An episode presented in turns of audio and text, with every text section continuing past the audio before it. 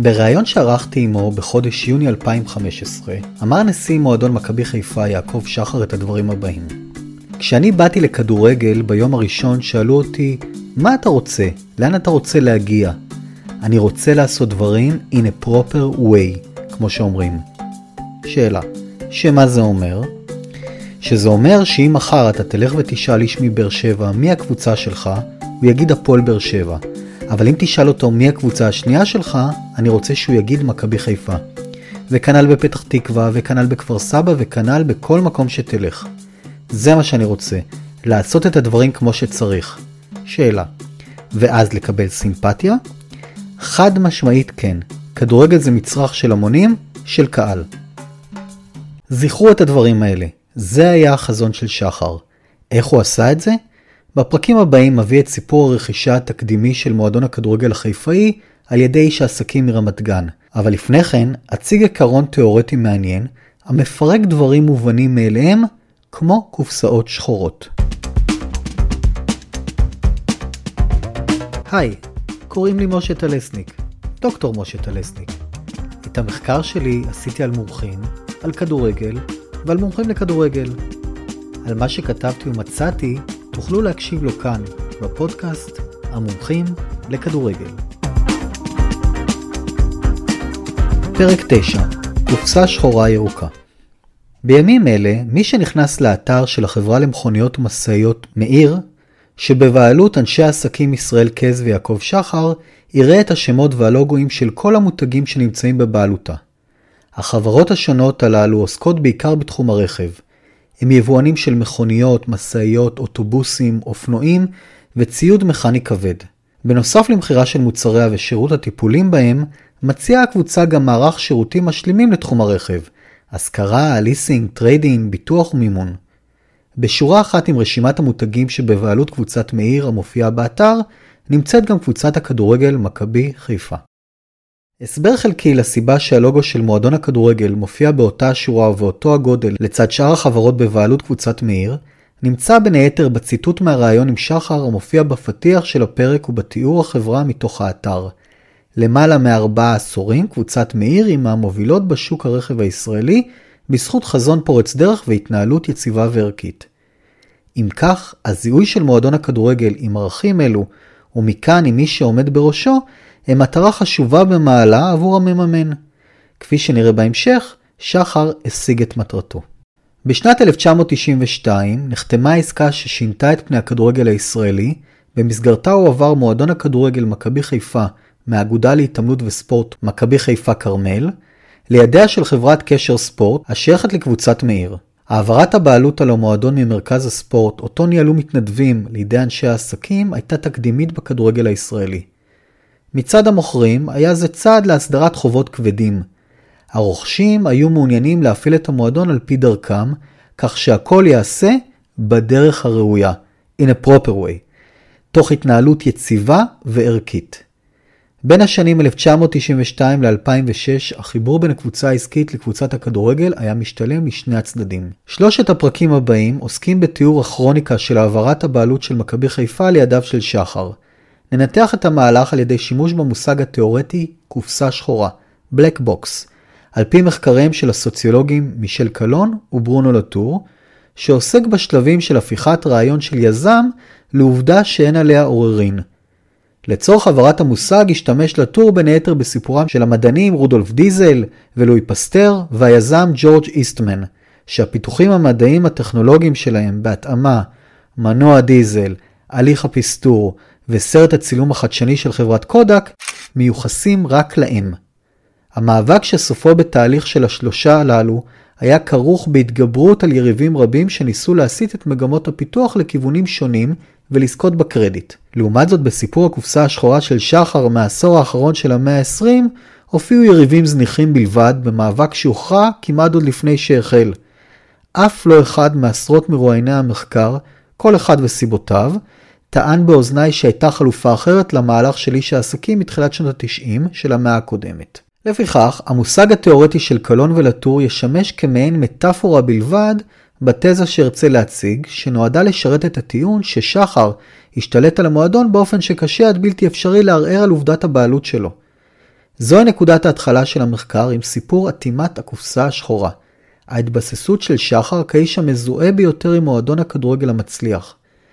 עם התבססותו, הוא גם האיש שקבע יותר מכל אחד אחר מי יהיו בעלי התפקידים שיובילו את המועדון ואת אופי ההתנהלות שלו. בהמשך נראה את תפקידם של המומחים הרבים שגויסו על ידי שחר ועל ידי אנשיו, בעלי בריתו, באיתום הקופסה השחורה שיצר ובתדמית שלה ששירתה אותו בתוך עולם הכדורגל ומחוצה לו.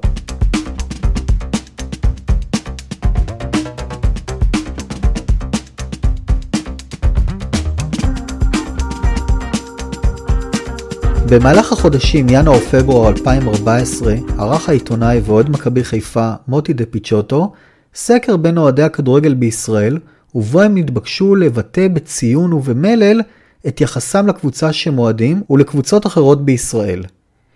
כרבע מתוך 1,646 משיבים היו אוהדי מכבי חיפה, שבאותם ימים קבוצתם הייתה רחוקה ממאבקי צמרת הליגה. בממצאים שהועברו לי על ידי דה פיצ'וטו, אלו הן התשובות הנפוצות ביותר של אוהדי הכדורגל לשאלה הפתוחה, ענה עד שלוש מילים, מה הכי מזוהה עם מכבי חיפה? מבין אוהדי מכבי חיפה נמצא את המושגים הבאים על פי השכיחות שלהם. המקום הראשון, יעקב או ינקלה שחר, כמעט 12% מהמשיבים. המקום השני, ניהול או מקצוענות. והמקום השלישי, אימפריה. כששאלו אוהדים של קבוצות אחרות, נמצא את המושגים הבאים על פי השכיחות שלהם. מקום ראשון, יעקב או ינקלה שחר, כשמינית מהמשיבים. במקום השני, ניהול או מקצוענות, ובמקום השלישי, קופים. למי שלא מכיר, המושג קופים ירוקים מזוהה יחד עם אוהדי מכבי חיפה, בעיני עצמם וגם בעיני אחרים. כרבע מאוהדי מכבי חיפה וכרבע מאוהדי הקבוצות האחרות זיהו את אחד המועדונים המאותרים ביותר בתולדות הכדורגל הישראלי עם האדם שעומד בראשו ועם המושג ניהול. מתוך שחקני הכדורגל של הקבוצה, שאמורים להיות מקור ההזדהות של האוהדים, הופיע בין התשובות רק שמו של הקפטן באותם ימים, יניב קטן, חמש פעמים. את שמו של המאמן, בעצמו אחד משחקני העבר הגדולים של המועדון, אריק בנאדו, ציינו שניים מתוך 414 אוהדי מכבי חיפה שהשיבו לסקר.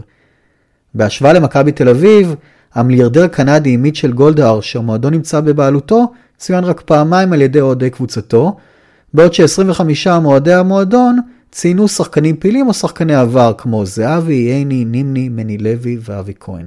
תוצאות הסקר, שנערך 22 שנים לאחר עסקת הרכישה של מכבי חיפה על ידי יעקב שחר, מראות עד כמה משמעותי היה המהלך על הזיהוי של איש העסקים עם קבוצת הכדורגל שנמצאת בבעלותו, שרבים רואים בה כעובדה בלתי ניתנת לערעור.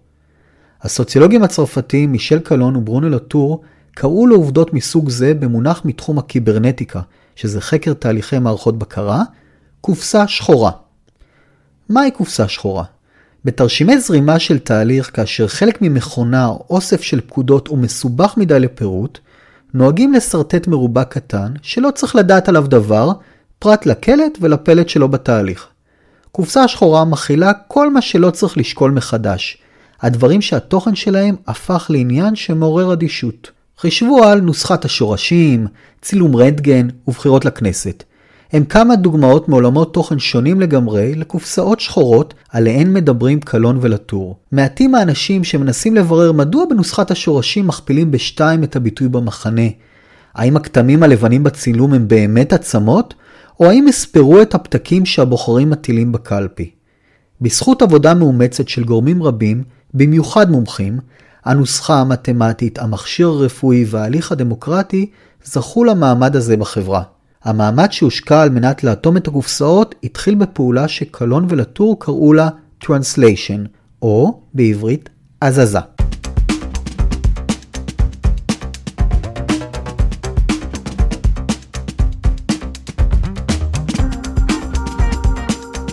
הפירוש המילולי המקובל למילה האנגלית Translation הינו תרגום, שמשמעותו היא העברת מלל משפה אחת לאחרת. תרגום נפוץ פחות למילה זו, ובו אשתמש הוא המושג הזזה, שלקוח מתחום הנדסת המרחב, הגיאומטריה. משמעות המושג הזזה בהקשר הגיאומטרי היא העברה של כל הנקודות של צורה במישור לכיוון מסוים ובמידת אורך מסוימת, כך שהיא לא משתנה. ממש כשם שמניעים את הצורה מנקודה אחת לנקודה אחרת, טענו הסוציולוגים, ניתן להסיט את הרצונות של החברה על פי רצונם של בעלי עניין. המושג הזזה מחוץ להקשר המתמטי הוצג לראשונה במאמר מתחום חקר המדע, הטכנולוגיה והחברה, או STS, Unscrewing the Big Leviathan.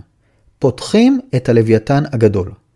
הלוויתן בו עסק המאמר הוא המדינה הריבונית על פי ספרו של הפילוסוף האנגלי תומאס הובס, שפורסם לראשונה בשנת 1651. הובס טען שהפרטים בחברה יוצרים, באמצעות אמנה חברתית, ישות ריבונית אליה הם מעבירים חלק מהמשימות שלהם, תוך כדי ויתור מסוים על חירויות.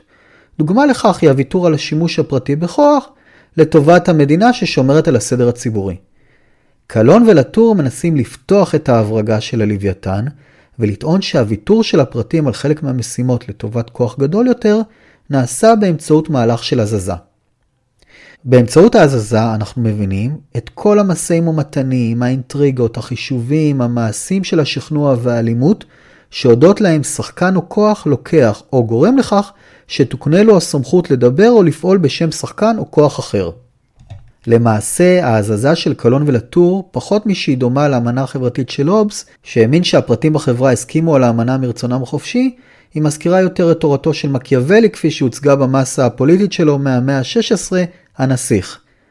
כמו שהנסיך הציני והמניפולטיבי שרוצה לשרוד בשלטון, בעל העניין שרוצה להניע מהלך של הזזה, צריך לשתף פעולה עם בעלי ברית כדי להשיג את המטרות שלו. החידוש של חקר המדע והטכנולוגיה הוא שבעלי ברית לא חייבים בהכרח להיות אנושיים, אלא יכולים להיות גם בעלי חיים, מכונות, תופעות טבע, חישובים מתמטיים, מקורות ביבליוגרפיים וכיוצא באלה. במאמר משנת 1986 הדגים קלון מהלך של הזזה באמצעות סיפורם של ביולוגים שניסו לקדם גידול חקלאי של צדפות במפרץ סן בריאו שבצפון צרפת, כתגובה להידלדלות מלאי הדייג הטבעי באזור. בצורה מתואמת זו פעלו הביולוגים בין היתר עם השחקנים הללו, הדייגים, הצדפות שצריכים לגדול בחקלאות ימית, זרמי הים במפרט שצריכים לאפשר את גידול הצדפות, ואחרים. הביולוגים רתמו את כל אחת מהקבוצות הללו, בין אם הן אנושיות או לא, כבעלי ברית במאבק שלהם. יש לשים לב שבניגוד לאדיוטות מומחים כמו ראי הצאן של קמבריה, בהם עסקתי באחד הפרקים הקודמים, הדייגים של סן בריאו לא פעלו באופן עצמאי, אלא הן היו עוד כלי בארסנל של הביולוגים במאבק לקידום מטרותיהם. ההזזה היא רק השלב הראשון מתוך שלושה ביצירת הקופסה השחורה ובאטימתה. לטור המשיך לפתח את הרעיון התאורטי הזה והמחיש בספרו Science in Action, מדע בפעולה, באמצעות כמה דוגמאות את מהלך הכינון שלה, שמתחיל בטענה שהוגה פרט מסוים או באב טיפוס שהוא בונה. באמצעות עבודה קולקטיבית של קבוצות שונות, הטענה יכולה להפוך לעובדה והאב טיפוס למכשיר. לטור מראה כיצד אפשר לפתוח את הקופסה השחורה על ידי בחינת המהלך של שלושת השלבים שהביאו לסגירתה. לענייננו, הרעיון שהפך למציאות, קבוצת הכדורגל האהודה והמצליחה מכבי חיפה, מזוהה בישראל עם איש העסקים יעקב שחר. הנה הצגת השלבים של הטור, תוך הדגמה ראשונית כיצד זה יתבצע במועדון הכדורגל. שלב ראשון, הזזה. על מנת שרעיון במוחו של פרט מסוים, נקרא לו בונה עובדות, יגרום לשינוי חברתי משמעותי, למשל ניסוח עיקרון מדעי או הצלחה בשיווק מוצר חדש, עליו לעשות שתי פעולות. לרתום אחרים שישתפו עמו פעולה, ולשלוט בהתנהגות שלהם כך שתהיה צפויה. למשל, שחר צריך היה לרתום למהלך שלו בין היתר את אנשי אגודת מכבי חיפה, שבסמכותם להסכים למכירה, השחקנים, התקשורת, האוהדים ואחרים. לטענת לטור את המהלך הזה אפשר לבצע באמצעות טקטיקות של הזזה, שהינה הפרשנות שניתנת על ידי בוני העובדות ולאינטרסים של האנשים שהם רותמים. את ההזזה מציע לטור לעשות בחמישה צעדים. הצעד הראשון, התאמת המטרה לאינטרסים של מי שאנחנו רוצים לרתום. כלומר, שכנוע בעלי הברית הפוטנציאליים שהמטרה של בוני העובדות היא בעצם המטרה שלהם. הצעד השני, שינוי דעתם של בעלי הברית הפוטנציאליים. מדובר במקרים נדירים בהם בעל הברית משתכנע בקלות שדרכו היא שגויה ומסכים להצטרף אל בוני העובדות. הצעד השלישי, הצעה של מעקף קטן, בדרך אל המטרה המשותפת. נאמר ובעלי הברית הפוטנציאליים מאמינים בדרך מסוימת להגיע למטרה שכולם מסכימים עליה. כעת בונה העובדות נדרש לשכנעם שיש לו דרך אלטרנטיבית שתחסוך להם משאבים בהגעה אל היעד. הצעד הרביעי הוא ערבוב אינטרסים ויעדים. בשלב מסוים יידרש בונה העובדות להפשיל שרוולים כדי להוציא את תוכניתו לפועל ולהניע מהלך מורכב של הזזה. הוא יעשה זאת על ידי המצאת בעיה, המועדון יקרוס אם לא ירכשו אותו, המצאת יעדים חדשים, למשל, אנחנו נצליח להרוויח כסף גדול מכדורגל על ידי יצירת תרבות ניהול חדשה, או להמציא קבוצות חדשות שתהיינה בעלות ברית להוצאת המהלך לפועל, כמו מס הכנסה או שחקני הקבוצה. בנוסף, הפיכת המעקף לבלתי נראה על ידי יצירת זיקה בין המטרות המקוריות של בעלי הברית לכוונות של בוני העובדות. למשל, שחר רוצה לרכוש את המועדון. האגודה צריכה לכסות את חובות המועדון, מכאן קניית המועדון תכסה את החובות, מכאן שחר צריך לרכוש את המועדון. והדבר החשוב ביותר, לזכות בכל הקרדיט במקרה של ניצחון. כלומר, רק שחר הצליח לשקם את המועדון ולהצעיד אותו להישגים. והצעד החמישי, הפיכת בוני העובדות לבלתי ניתן להחלפה. זהו השלב שבו הקופסה השחורה נוצרה. בונה העובדות שרתם את כל בעלי הברית שעזרו לו להשיג את היעד אליו הוא רוצה להגיע, חייב לתת לאחרים את התחושה שרק הוא אחראי להצלחה. כעת, כאשר בונה עובדות חדש ירצה להציע קופסה אלטרנטיבית, או להשיב את התרת הקופסה הקודמת ליושנה, הוא יצטרך להתחיל את המאבק המורכב מההתחלה מול בונה העובדות המנצח. הערה קטנה. המחקר שלי לא עסק בזה, אבל חישבו על כל אדם אחר שאתם מכירים שהצליח להנכיח את עצמו בצורה שנראה שאין לו תחליף. אולי גם הוא בונה עובדות מוצלח שאתם בצורה טובה קופסה שחורה? חזרה לקופסה השחורה של מכבי חיפה. השלב השני הוא שימור. לאחר שגויסו בעלי הברית ועזרו ליצור את הקופסה השחורה, שחר הוא הבעלים של מועדון מכבי חיפה, צריך כזכור גם לשלוט בהם שהתנהגותם תהיה צפויה ותקל על הניהול. לאחר זמן מסוים ההתלהבות של הגורמים עשויה לפחות, ונדרשות פעולות לשימורם. לצורך כך, לטור מציע לנקוט את הצעדים הבאים.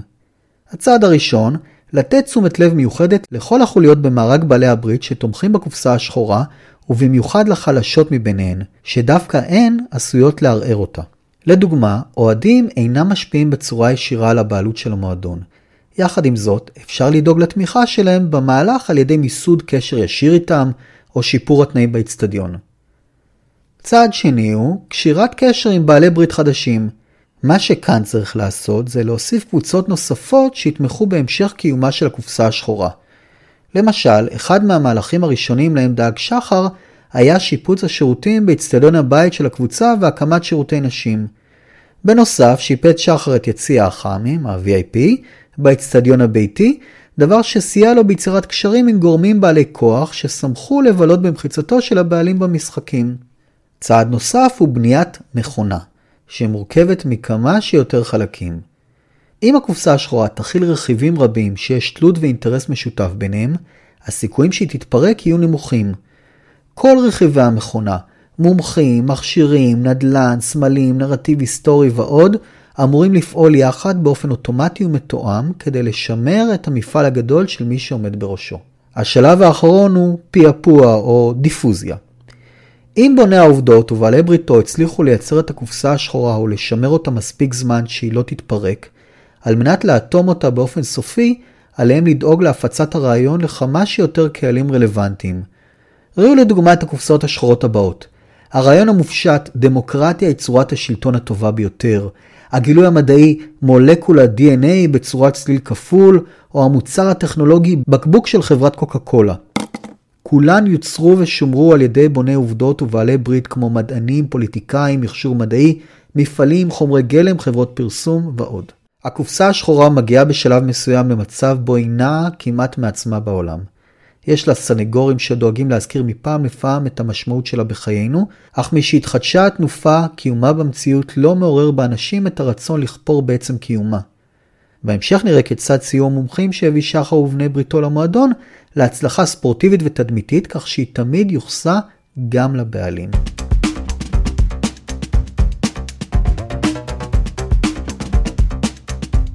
בשני הפרקים הבאים אנסה לפתוח את הקופסה השחורה של הקשר בין שחר למכבי חיפה על ידי חזרה לרגע בו היא נוצרה והתבססה. נראה את המהלכים של שחר ושל בעלי הברית שגייס החל מראשית הקשר עם המועדון בשנת 1984, דרך העברת הבעלות לתקופת ניסיון של שלוש שנים בשנת 1992, ועד להשלמת הרכישה בשנת 1995. בניגוד לפרקים שיבואו בהמשך הפודקאסט שיעסקו בעיקר במומחים שפעלו במגרשי האימונים ובאצטדיונים, הזרקור בפרקים אלה מופנה אל משרדים ואל חדרי ישיבות של עסקני אגודות ספורט ואנשי עסקים. זוהי זירה חשובה לא פחות ממגרשי הכדורגל בהצלחת המהלך שראשיתו רעיון במוחו של פרט בודד. עד כאן בינתיים, תודה לעידו שערך את הסאונד. בפרק הבא נתאר את שנות האימוץ של שחר ומה שיוביל לעסקת הרכישה.